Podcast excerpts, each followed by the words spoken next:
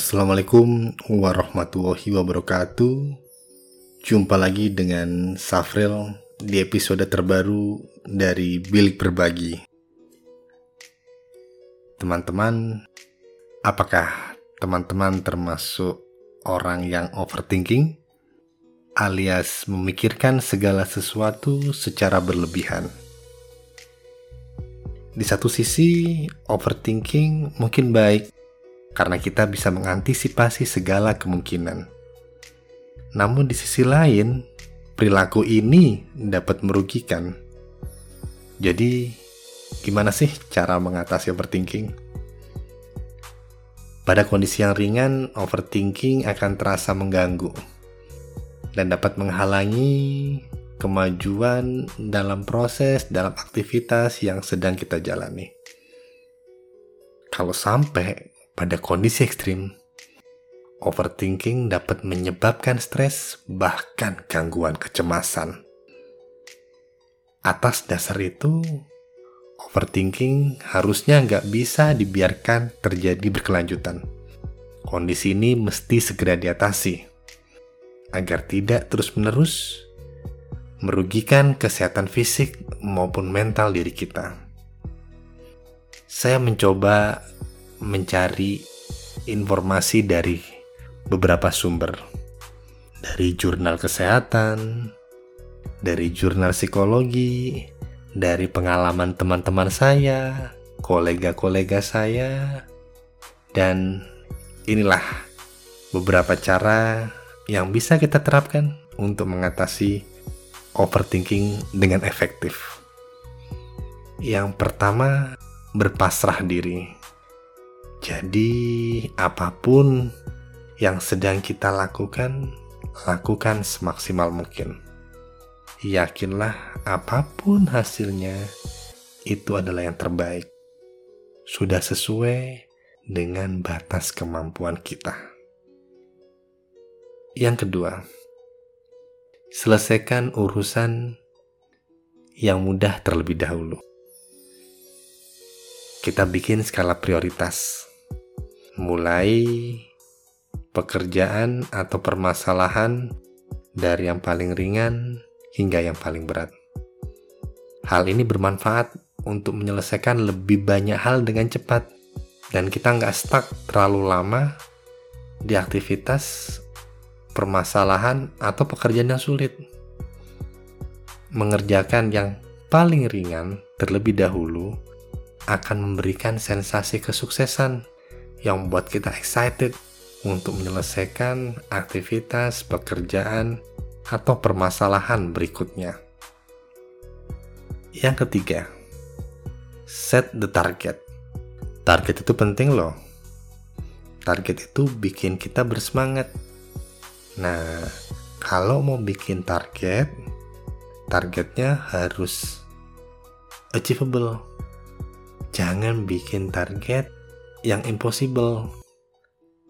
Saya paham kita bisa melakukan banyak hal, tapi tetap kita punya kemampuan yang terbatas.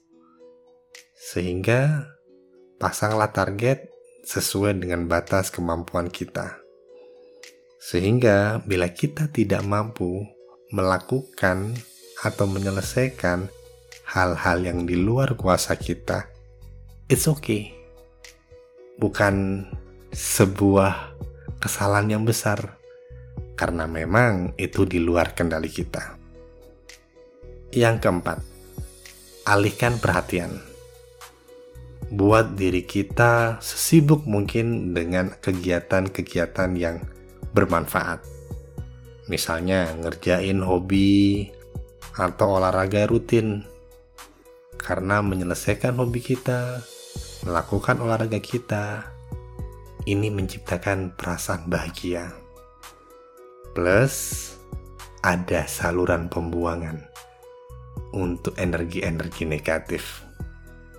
Karena saat kita usai melakukan hobi atau olahraga, kita udah terlalu capek untuk melakukan hal-hal yang mendekati overthinking. Ujung-ujungnya kita bisa istirahat dengan nyaman. Yang kelima, meditasi. Meditasi ini fokus pada momen itu, merasakan momen itu, hanya ada kita dan diri kita. Meditasi bukan melamun loh ya. Meditasi adalah konsentrasi penuh. Pada momen saat itu, kita present di saat itu. Kita mensyukuri apa yang Tuhan berikan selama ini dan di masa depan kita. Yang keenam, akui kesuksesan kita. Coba kita catat pencapaian-pencapaian kita. Lihat betapa banyak capaian-capaian yang sudah kita lakukan, yang sudah kita achieve. Sehingga apa? Kita lebih menghargai diri kita. Ini bukan masalah besar atau kecilnya kesuksesan. Besar atau kecil ukuran kesuksesan adalah ukuran kita sendiri. Jangan mengukur kaki Anda dengan kaki orang lain. Sama halnya, jangan mengukur kesuksesan kita dengan kesuksesan orang lain. Hargai kesuksesan yang kecil, karena itu membuat diri Anda bermakna saat Anda mencapai kesuksesan yang lebih besar. 7. Ambil tindakan. Kadangkala kita terlalu banyak mikir tanpa bertindak. Hingga hasilnya otak kita, diri kita hanya dipenuhi oleh pikiran-pikiran tapi tak ada tindakan.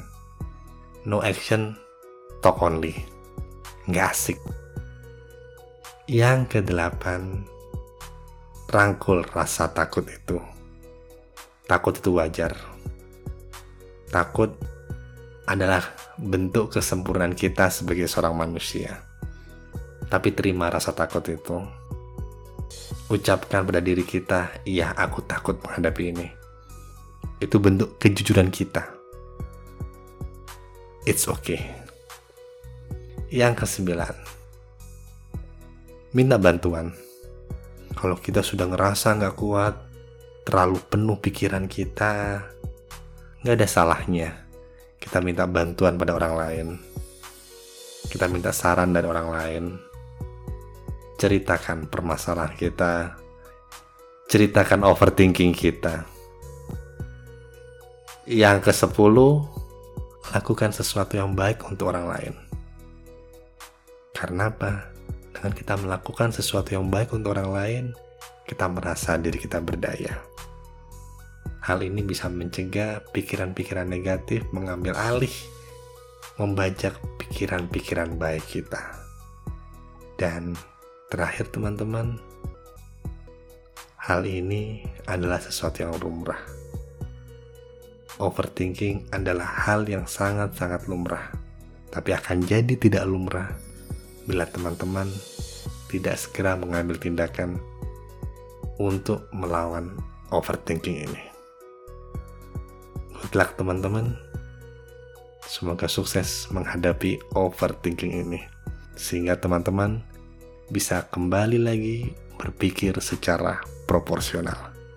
Itu aja sih. Sampai jumpa di episode berikutnya dari Bilik Berbagi.